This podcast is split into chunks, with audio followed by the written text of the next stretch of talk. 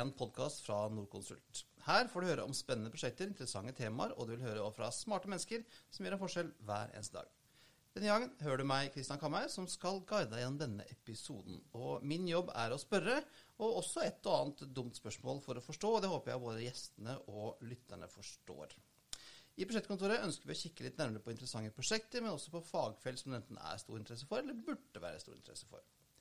Og Hvert år graves det ut ca. 60 tunneler i Norge, men hvor blir det av all steinen som tas ut av tunnelen? Når det bygges nye bydeler eller parker på det som har vært sjø tidligere, hvor kommer fyllmassen fra? Og For å forstå litt mer om masser, og ikke minst hvordan vi skal bli flinkere til å tenke bærekraftig håndtering av masser i prosjekter, har vi fått med oss Ida Nilsson og Fredrik Hausmann. Velkommen til prosjektkontoret.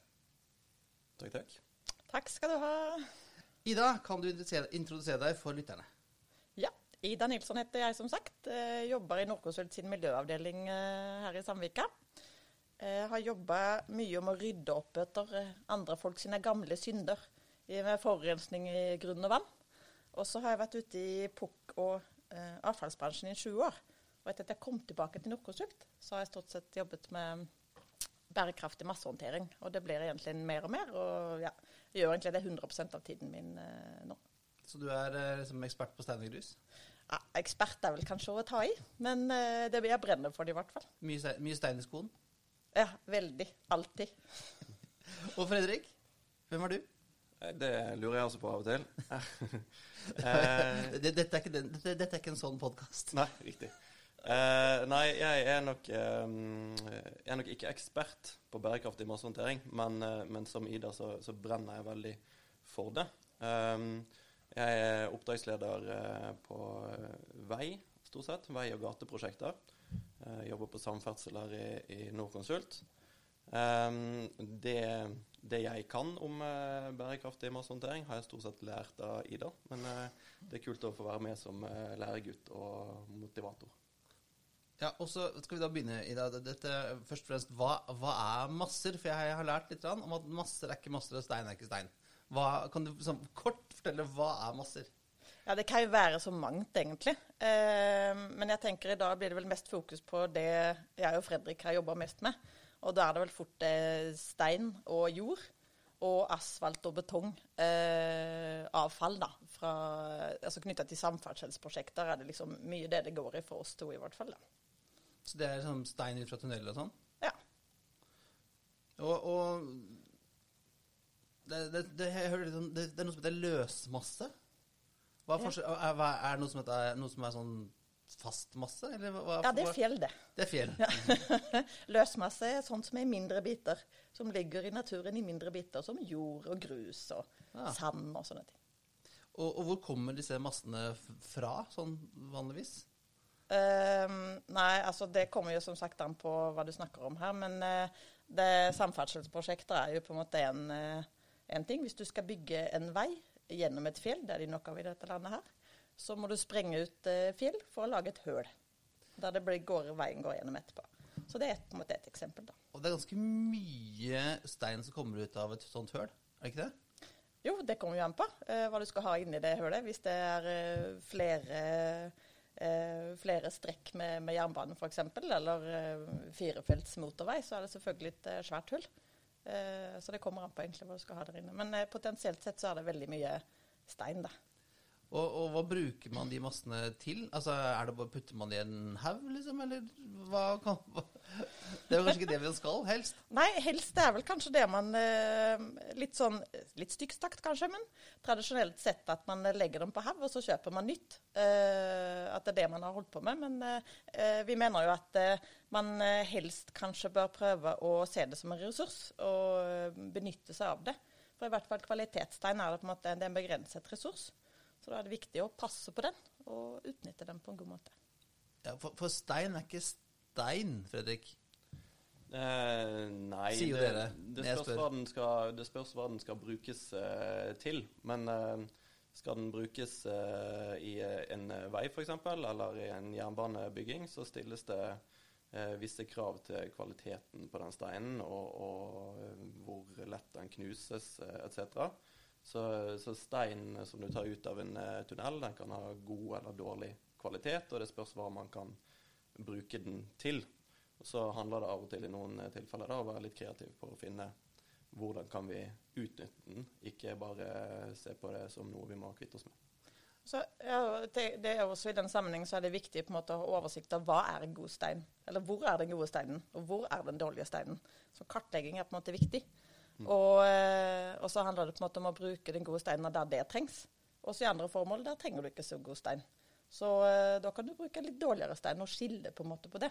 For å få utnytta ressursene på en best mulig måte. da. Eh, Men når, vi snakker, når dere snakker om masser, så er det noen typer masser som faller litt utenfor det, den definisjonsområdet. Da tenker jeg på sånn bygnings... Altså når du river bygg og sånn, kan du bruke de greiene til noe, eller? Ja, du kan det. Knust betong f.eks. kan du bruke som erstatning eh, for bukk. Så det kan du. Og så kan du, Når det gjelder bygninger, så er det også en si, høyverdig bruk å prøve å få bruke hele elementer for bygg inn i et annet bygg. Men eh, det er de andre i Nordkonsult som eh, jobber mer med enn akkurat oss. Det skal det vi komme tilbake til i en senere episode, om det med ombruk og gjenbruk av bygningsmateriale. Men, men man kan altså også bruke de knuste betongen til et eller annet, altså. Mm. I stedet for stein, da. Og matjord og sånn, det skal vi være forsiktige med, eller? Ja, det er jo også en, eh, på en måte en ressurs man må passe på. Så tar, det tar lang tid å, å opparbeide en god matjord. Og hvis du jobber i et prosjekt der du tar ut eh, matjord, så er det en fordel å, å ta vare på det og lagre det i ranker eller sånn, og så, og så bruke det igjen som matjord. Putter ikke det i et høl, liksom? Nei, det, det er jo dumt, da. Men eh, ok, nå har vi liksom, så, litt om, om masser og hva masser er. eh, men nå skal vi ha litt sånn fokus på bærekraftig massehåndtering. og Hvordan har man i prosjekter tradisjonelt tenkt rundt det å håndtere masser, når man f.eks. drar ut stein av et fjell? da?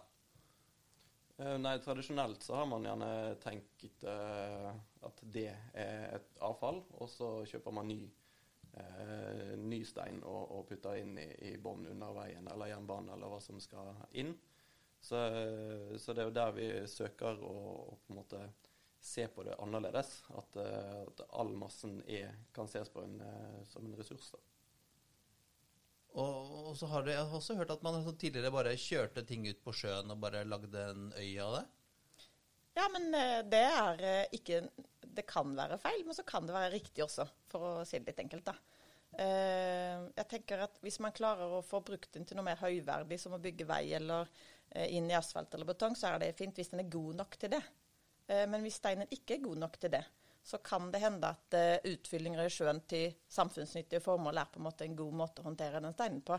Uh, Kadettengen her i Samvika, som et uh, flott friluftsområde, det er bygget av overskuddstein fra 16 utbygginger her f.eks.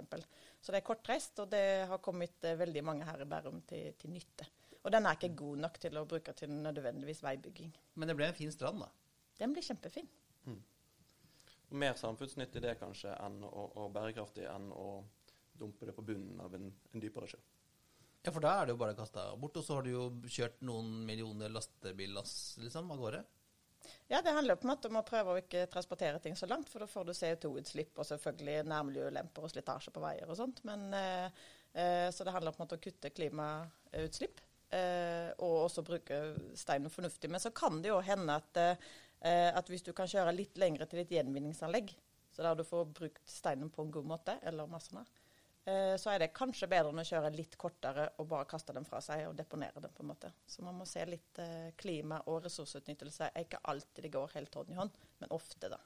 Ja, for vi tenker at stein det har vi no, er noe vi har nok av i Norge, så er det stein. Men det er ikke helt riktig. for det, Du sa det, det er forskjell på stein òg. Absolutt. Nei, Her i Oslo-området eksempel, så har vi jo eh, absolutt et underskudd på høykvalitetsstein. Eh, Så jeg tror Direktoratet for mineralforvaltning sa at jeg tror det var en sånn 30-årsperiode, så, så går vi på en måte tom for god stein her, med de ressursene vi har på en måte tilgjengelige nå. Så da Du får ikke lagd noe ny, på en måte. Stein. Nei, eh, det har jo tatt noen millioner år, da, kan du si. Og i nærheten av her hvor vi sitter nå, i Samvika utenfor Oslo, så er det ikke mindre enn seks store, altså svære infrastrukturprosjekter på gang i neste årene, eh, hvor det både er uttak av masse og behov for masse. Vi snakker e, ny E18, Fornebubanen, Ringeriksbanen, ny E16, ny vannforsyning til Oslo og Asker og Bærum vannverk. Og hvor mye masse snakker vi om da, som skal ut et sted og inn et annet sted? Sånn Cirka. Sykt mye. Er det, er det en sånn fagterm? Sykt mye stein? Nei, er, eh, vi skal sette litt tall på det, da. Eh, Det, vi har regnet oss ut til at hvis du slår sammen de seks prosjektene, så, et- så tar de ut eh, ca. 24 millioner kubikk med, med bare stein. Og så er det løsmasser og asfalt og sånt i tillegg, men det er veldig lite i forhold til stein, da. For det er mye tunneler. Eh, og eh, hvis vi bare skal visualisere hvor mye det er, for det tror jeg folk klarer liksom ikke å se det for seg. Men hvis du putter det på lastebiler, eh, så blir det én million lastebiler. Hvis du setter de tett i tett etter hverandre, ikke sånn med normal kjøreavstand, men tett i tett, så går det rundt halve jorda. Eh, så det, det er ganske mye stein. Det, det er vel sjukt mye stein. Ja. Og så heldigvis, da, så eh, har de behov for en del stein tilbake igjen. For å bygge vei og bane og asfalt og betong, som sagt. Eh, så de, de bruker opp sånn ca. 10 millioner av de 24. Og så sitter de igjen med 14, da. Det er fremdeles ganske mange 100 000 lastebiler. Ja, så da var det egentlig et prosjekt som jeg er innleid til Bærum kommune for, eh, som prosjektleder, som heter Bærum ressursbank. Eh, det ble starta for sånn tre og et halvt år siden, fire snart kanskje, eh, for å prøve på en måte å løse den utfordringen da, i, i fellesskap. Eh, og eh, det er et samarbeidsprosjekt mellom byggherrer og entreprenører og transportører, grunneiere, myndigheter, nå etter hvert også politikere, har meldt seg inn der. Eh, og det er en, vi prøver på en måte å løse den utfordringen i fellesskap. Eh, og lære oss av hverandre og eh, dra på hverandre. Og Bærum kommune prøver på en måte, eller prosjektet da, prøver å tilrettelegge for at det skal kunne etableres arealer der man kan håndtere disse massene på en god måte. Mellomlagre, prosessere f.eks. Eh, og ja, mange andre fasetter også, men det er det som er hovedgrunnen. da. Så da kan det jo sånne som deg, da, som skal bygge veier, Fredrik, da kan dere jo se at ok, men her fins det stein som vi kan bruke. Eh, og så lager man et slags marked, da, eller? Ja. Eh, det, det er i hvert fall det som er, er tenkt her, og som dukker opp i flere sånne, sånne eh, settinger, er jo nettopp det at aktører eh, begynner å snakke sammen. Eh, og, og vi ser jo at det, det lyses ut flere konkurranser på, på å se på sånne ting eh, fra, fra offentlige aktører eh, i, i diverse områder for, eh, for å koordinere entreprenører og byggherrer og rådgivere i områder med mange pågående prosjekter. Så begynner man å se massebalanse i et større perspektiv enn kun sitt prosjekt. Og for meg som både er økonom og opptatt av, bærekraft, så er jo dette her Det høres jo ut som et eh, Ja, det er, det er jo det beste av alle verden. For her har du et, måte, en muligheten til å utnytte Særlig for at du har så mange prosjekter som går samtidig-ish, og som trenger de samme, de samme tingene. Ja, og kanskje noen, sånn som du var inne på da, noen, noen har et overskudd, og noen har et underskudd. Da eh, blir det en vinn-vinn. eh, Da, da, da blir økonomer som er glad, for da ser vi, der har vi et fungerende marked. For det er jo noe av problemet tidligere, da, at du har ikke kunnet Man har ikke samarbeidet eller, eller hatt god kommunikasjon med andre, slik at man vet at ja, men, For det virker, virker som ganske mye bortkasta at det sitter noen her og tar ut stein av et fjell som de putter i sjøen, mens det sitter en- et annet prosjekt rett her borte som skal ha stein for å putte under veien sin. absolutt. Um, og og, og da, da, da er vi jo videre på, um, på kanskje noe av um, et problem som er ganske greit egentlig, eller lett å gjøre noe med. Altså Vi er jo uh, stadig flere og flere aktører på alle sider av bordet som, eh, som har et bærekraftsmål. Uh, men eh, vi er også en bransje full av ingeniører som kanskje til tider kan være ganske konservative. Så, så det er vel veldig mange av oss som har en eh, eh, tendens til å gjøre det vi alltid har gjort.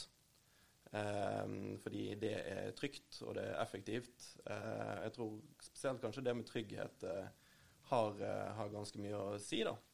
Men, men det å tenke heller hva er det faktisk vi trenger, ikke, ikke dimensjonere etter at alle fag skal ha en eh, Rolls-Royce, men, eh, men å bygge det man faktisk trenger. eh, og gå litt i dybden i regelverket. Hvorfor er regelverket Hva er det regelverket prøver å oppnå? kan man utfordre det og samtidig oppnå det samme som man gjorde før. Og I mange tilfeller, som i, bl.a. i ett prosjekt som vi kommer inn på litt senere, så, se, så ser vi jo det at ja, man er, det er absolutt muligheter å, for å åpne eller for å utfordre regelverket. Og flere av våre store byggherrer, som, som Bane NOR og Vegdirektoratet, flere oppfordrer faktisk til å gjøre det. Så, så, noe av grunnen til at ikke dette For, dette, for meg synes jeg at dette er å ha miljøgevinst, og det, man kan svare penger. Mm. Eh, så, hvorfor, så, hvorfor, gjør man ikke dette alltid? Er det sånn litt gammel vane og konservatisme i det? Jeg tror på en måte det er litt som Fredrik var inne på, at eh, man gjør som man alltid har gjort. Eh, og så er det på en måte Hvis du skal gjøre noe som du ikke har gjort så mange ganger før, så har det på en måte en risiko ved seg. Og det ligger på en måte i innovative løsninger i seg selv å tenke nytt. For da har du ikke prøvd det tusen ganger før. Så da, da, blir det på en måte en risiko. Det er ikke alle som har, har lyst til å ta den risikoen. Og så tror jeg det er litt sånn at man ja, copy-paste, på en måte. At man eh, men uh, det, går fort, det, går fortest, og det er tryggest, og så bare gjør man det. Men jeg tenker det er ikke så mye som skal til for å prøve å bare Hva har jeg? Hva trenger jeg? Kan jeg bruke det ene, uh, det overskuddet, det har et underskudd? Det er, ikke, det er ikke noe verre enn det. Kanskje man må, ikke kan bruke det helt som det er når man tar det ut. At kanskje man må modifisere det på en eller annen måte, eller prosessere på det. Men det er egentlig ikke, det er ikke rocket science, dette her. Det handler på en måte om å bare være litt uh, skru på fantasien, da. Og se løsningene i stedet for, uh, for uh, ja, problemene. Da. Så hvilke, hvilke, hva slags prosjekter er det dere jobber med nå? Um, det, det, prosjektet vi har jobbet uh, sammen på, er et, uh, et uh, gateprosjekt i Lillestrøm som heter Storgata. Som er ca. 700 meter langt.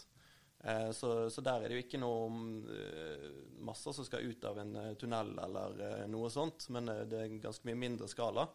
Men, men det, det, er viktig å liksom se det at vi i alle våre mellomstore og små prosjekter kan vi også gjøre ganske mye. Norconsult består av veldig mange små prosjekt, og hvis man, hvis man, gjør noe i de også, så, så kan man i sum oppnå veldig mye. Så, så det, vi, det, vi, har tenkt eh, på, på, Lillestrøm, eller eh, Ida har tenkt, og jeg har fulgt opp, eh, er at her kan vi utfordre både oss selv og byggherren og regelverket og entreprenøren, og så kan vi tenke får vi til eh, gjenbruk i alle lag av denne veien, eller gaten. Um, og da, da, kommer det inn bl.a., som dere eh, nevnte tidligere her, at eh, ja, man kan bruke gjenbruksbetong eh, istedenfor å hente ut helt nytt eh, fjell fra en plass og knuse for, det. For det er det som står i regelverket at du skal gjøre, eller? Ja, på uh, veier med så høy trafikk. Regelverket åpner for uh, å, å, bruke gjenbruksbetong i mindre trafikkerte veier men ikke så høyt trafikkerte veier som Storgata i Lillestrøm. Eh, men så går man i dybden på det, og så ser man at eh, det er utført en del studier som tyder på at eh, gjenbruksbetong om noe kanskje til og med er sterkere enn en knust fjell. Altså Hvorfor kan man ikke da bruke det? Jo, det er kanskje fordi man ikke helt har tørt å, å prøve. Så, så, heldigvis her så har vi hatt en byggherre som har vært fremoverlent. Vi har hatt oppdragsleder og, og, fagansvarlig på ytre miljø hos oss eh, med riktig innstilling. Og vi har hatt eh, leverandører som er veldig positive til å få til eh, dette. Og, og Vegdirektoratet og Sintef har uttalt seg veldig positivt om å gjøre det. Så, og, og, i tillegg så er dette da tiltak som økonomisk sett er mer gunstig også. Så da det, det, er kanskje de letteste bærekraftsgrepene å få gjennom, er jo de som eh, går i pluss økonomisk. De som også, også, har en økonomisk verdi, ja. Ja, ja. Det er klart. Eh, som sagt, økonomer som meg elsker sånt. Ja. Og når vi, når vi er på bærekraftig massehåndtering, så er det jo eh, veldig ofte sånn at, eh, at økonomi og, og, bærekraft går eh, hånd i hånd. da. Men Et annet eksempel fra det Storgata-prosjektet er jo at det var litt forurensa masser på en måte i den gamle, gamle veien. Og eh, det er veldig, må man kjøre veldig langt, og det er veldig dyrt å deponere de massene. Eh, så i stedet for, Men det er ikke god nok egentlig for veibyggingen. Det er derfor vi måtte gjøre det prosjektet. Men det vi gjør nå er vi flytter det litt lenger ned, på en måte. Dypere i dypere lag, der det ikke er så farlig på den kvaliteten. da. Så, og da kan vi bruke det der det er. Vi slipper å kjøre det bort. Slipper å kjøpe inn ny pukk. Så da er det egentlig, får vi det i pose og sekk. Det er er et kinderegg. Det har løst Ja, eh, mange yes. problemer på en gang. Ja, det, det, da er det viktig å legge til at, at på det prosjektet så måtte vi grave dypt uansett. Fordi Mm, at ja. eh, eh, dagens vei ligger på eh, myrmasser som, eh, som gjør at veien i dag hopper og spretter litt, og fortauet noen steder ligger lavere enn veien osv. Så, videre. så så Så vi måtte grave dypt, og vi måtte bytte det ut med noen masser som var bedre enn gammel myr. Ja, for det er vel litt, kanskje et eh, spesielt problem med norske forhold at ting fryser og sånn òg? Det, det er jo typisk i, Norge, ja. Så når du kommer til, til Sør-Europa, så er det bare, ser det ut som du bare tar liksom asfalt på en rull og bare triller ut. Men det, så det er litt mer komplisert her, med ting som skal under, eller? Ja, jo mer, jo mer frost eh, det er, jo, jo dypere må man grave, eller hvor dypere blir veioverbygningen, da. Fordi at eh, det er en del ting som er en vei som skal ligge frostfritt. Mm. Men, og nå tenker jeg sånn, sånn nå, det, det, Dette kan du ikke jeg så mye om, men tenkte hvis jeg da ute i hagen min graver et hull som jeg skal putte noe nedi, og så legger jeg bare det tilbake det jeg gravde oppå der igjen. Eh, og da har ikke jeg noe problem med å skaffe eller bli kvitt masse der. Sånn, Hull lages, putter det nedi, nedi igjen. Men, men sånn kan man ikke gjøre, altså. I hvert fall ikke, i hvert fall ikke hvis man skal bygge en vei, for da eh, Hvis man, som i Storgata i Lillestrøm, som sagt, hvis man, hvis man graver bort eh, det som er der, så er jo det av en grunn. Det er fordi at det ikke er bra nok til å, å lage vei på. Så da må man grave det bort, og forhåpentligvis finne et, eh, et bruksområde til det. Eh, disse gamle myrmassene må vi dessverre deponere, da. Men, men da må man ta det bort, og så må man legge inn masser som er gode nok til å benytte som vei. Å fylle ting rundt rør og Ja, Um, det, det er en del eh, krav til masser som ligger rundt rør eller eh, andre elementer i grunnen også, eh, for at eh, eh, det skal ligge i ro, og for at det skal være riktig drenert rundt, uh, osv. Er det noe er det noe forskjell på offentlige og private utbyggere når det gjelder å tenke gjenbruk av masser? Er, det, er det et vanskelig spørsmål? Ja, det er litt vanskelig, egentlig. Jeg vet ikke om det er Jeg tror det er mye personavhengig, egentlig. Eh, og kanskje eh, Jeg tråkket noen på tærne nå, men eh, jeg føler kanskje at de som jobber i det offentlige, de har eh, De er veldig De føler veldig på kroppen at de forvalter fellesskapet sine midler. Eh, og da tror jeg kanskje av og til at de eh, kvier seg for å ta ekstra risiko for, eh, som vi snakket om i stad, egentlig. Mens de, de private kanskje er mer risikovillige på en måte, da. Og kanskje hiver seg ut og prøver nye ting på en måte. Men jeg syns kanskje at det offentlige begynner på en måte å, å, å stille mer krav og utfordre mer og ha fokus på dette her. Så Nei, Jeg vet ikke om jeg skal si at den ene er noe bedre enn den andre. egentlig. Jeg tror bare de, de, de funker litt forskjellige, på en måte. da. Så kan man også si at um, det er gjerne naturlig. Mange av de offentlige uh, aktørene er jo ganske store organisasjoner. Uh, mens, uh, så, så der kan jo gjerne de private være mer omstillingsdyktig, i hvert fall på, på kort tid. da. Men, men vi ser jo det at at de fleste store offentlige aktører eh, har bærekraftsmål og eh, begynner å ta det inn over seg. Og jeg føler at man mener, begynner å mene mer og mer med det også. Mm. at man måtte, Det er ikke bare et, eh, en setning på et papir. I hvert fall Mitt inntrykk er at eh, man begynner å mene mer med det, man putter mer i det. Det er, altså, det er en læringsprosess det er for alle, eh, alle sammen, egentlig, for oss også. Men eh, jeg føler at man begynner å fylle det med mer nyttig innhold. da. Ja, og så ser jeg at en del offentlige utbyggere de setter jo strengere bærekraftsmål. Sånn Oslo kommune som krever noe utslippsfrie byggeplasser og sånne ting. Så, så kanskje de offentlige kanskje, sånn, de er litt, kanskje henger litt etter, litt treigere. Kanskje har lettere for å sette bærekraftsmål i prosjektene, da? Ja, eh, kanskje de em, private sånn sett eh, er enda mer opptatt av, av eh, profitt i sånne type settinger. Em, og at, eh, at sånne type krav er lettere for en eh, offentlig aktør å, å stille. Men du sa jo at disse er jo både mer bærekraftige og mer lønnsomme. Ja, ja, men en utslippsfri byggeplass er vel ikke Ja, nødvendigvis nei. det enda. Men vi snakker masse, da. Ja. Så når dere kommer inn i et prosjekt da, til vanlig, hvem, hvem er det som drar dere inn? Hvem er det som, kom- hvem er det som ringer til deg, Ida, for å få deg inn til å Det er Fredrik, Det er da, Fredrik, ja. Men hvordan jobber, dere, hvordan jobber dere med det i prosjekter? Um, nei, det varierer jo. Det varierer jo veldig. Jo, jo, jo tidligere vi kommer inn i et uh, prosjekt, jo lettere er det å påvirke. Eh, er det et tidlig faseprosjekt, en utredning eller en reguleringsplan, så, så, ehm, så kan man jo påvirke hele fotavtrykket til eh, prosjektet, hvor mye areal man skal bruke eh, osv.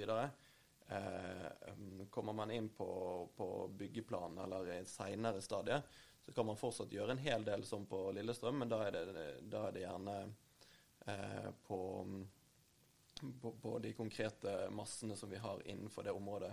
Hvordan kan vi få til en best mulig massebalanse innenfor det vi, vi vet vi skal bygge, da. Jeg tror også for å få skikkelig liksom, trøkk i dette her også, så jeg er helt enig med Fredrik at jo tidligere man begynner å tenke på dette, her, jo bedre er det. Men jeg tenker også at, uh, at uh, Samferdselsdepartementet f.eks., som gjør bestillinger til, uh, til de her etatene som bygger, uh, bygger vei, det er viktig at de eh, har fokus på det allerede i sin bestilling av veien eller banen. Eh, for å, å, å sette det på en måte på kartet. Og så må det gjennomsyre den første delen som eh, byggherren har, og så må det på en måte inn i eh, konkurranseunderlaget når vi rådgivere kontraheres. Og så må det på en måte gjennomsyre hele prosjekteringen.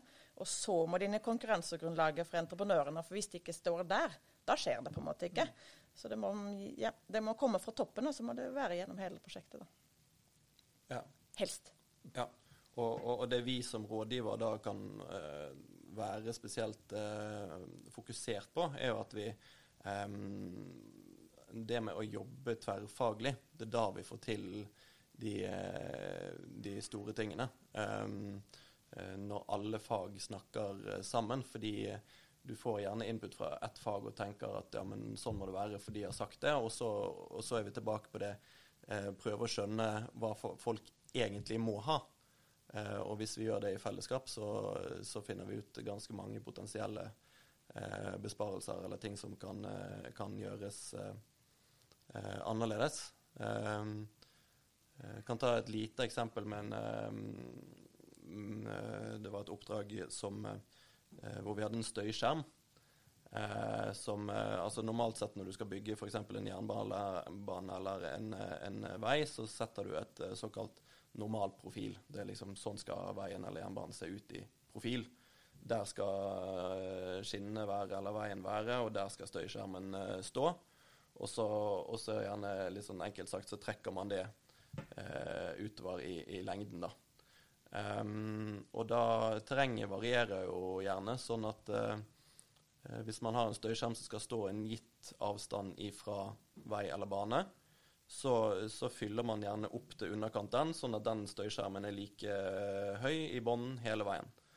Um, og det har jo sine estetiske kvaliteter og, osv., det. Men samtidig så kan det hende at det er ganske mye unødvendig oppfylling av masser under, hvis denne veien eller banen går på fylling, som, um, uh, som gjør at eh, man, man bruker veldig mye mer masser enn man hadde trengt å gjøre. Så, så, så det man eh, eh, og, og når man går i dybden på ja, men hvorfor gjør vi det sånn, eh, jo, det er for at ting skal være enhetlig eller eh, eh, raskt å prosjektere, raskt å, å, å bygge. Og fordi sånn har vi alltid gjort det. Ja, nettopp. Sånn har vi alltid gjort det. Ja, OK, kanskje det er litt mer jobb å, å differensiere. Kanskje må de da skjermen få ulik høyde, så må de få forskjellig fundamentering osv. Jo, men hvis du gjør et regnestykke på det, så kan det hende at eh, det er en ganske stor besparelse for både miljø og kostnader likevel. Kanskje en ulempe for estetikk, men da må man veie det opp mot hverandre. Et annet eksempel, bare for å henge meg på eksempelverdenen her. Det var, vi hadde en tilbudsprosess nå for en stund siden. og da var det Bestillinga var det skal, en, eh, det skal en vei gjennom et fjell, og så skal det være en sykkelbane i tillegg inni der gjennom, gjennom fjellet. Og så sa vi nei, men hvorfor må det egentlig det? Eh, da betyr jo at du må på en måte sprenge ut en bredere trasé for å få plass med både vei og sykkelbane. Men kan vi ikke heller bare ha veien inni der, og så kan vi lage en sykkelheis over fjellet? Og så kan vi lage en ladestasjon på toppen av fjellet, og kanskje noen koselige ting der syklistene kan sitte. Eh, og så blir det mye hyggeligere for syklistene, og så blir det mye bedre massebalanse i prosjektet. Så jeg tenker at det er lov å være litt kreativ her også. Og det sparte jo eh, potensielt sett masse eh, ja, stein, da, som vi ikke trengte å ta ut. Ja. Så, eh, oppfordringen vår er vel at vi må vi må utfordre oss eh, selv, og så må vi utfordre kundene våre, og så må vi tenke, tenke på det. Ja. ja. ja. Og med den klare anbefalingen og oppfordringen der, så sier vi takk for at dere kom. Tusen takk. Tusen, det var veldig hyggelig å være her. Tusen takk for oss. Det var alt for denne gang. Hvis du vil vite mer om Nordkonsult og hva vi driver med, og hvordan uh, prosjektet vi jobber med, så sjekk ut nordkonsult.no. I dag hørte du Ida Nilsson, Fredrik Kausmann og meg, Kristian Kamhaug. Musikken er som alltid ved Thomas Wøni, akustiker i Nordkonsult. Om du har spørsmål eller kommentarer til podden eller innspill på fremtidige temaer, sender du oss ganske enkelt en e-post til podkast.nordkonsult.com, og det er podkast med C. Ikke glem å abonnere på Prosjektkontoret i iTunes eller din foretrukne podkastspiller, så får du alltid nyeste episoden rett i spilleren din. Og om du liker det du hørte, er det veldig hyggelig om du gir oss noen stjerner og en liten anbefaling i iTunes. Det setter vi alltid stor pris på. Takk for denne gang. Vi høres plutselig igjen.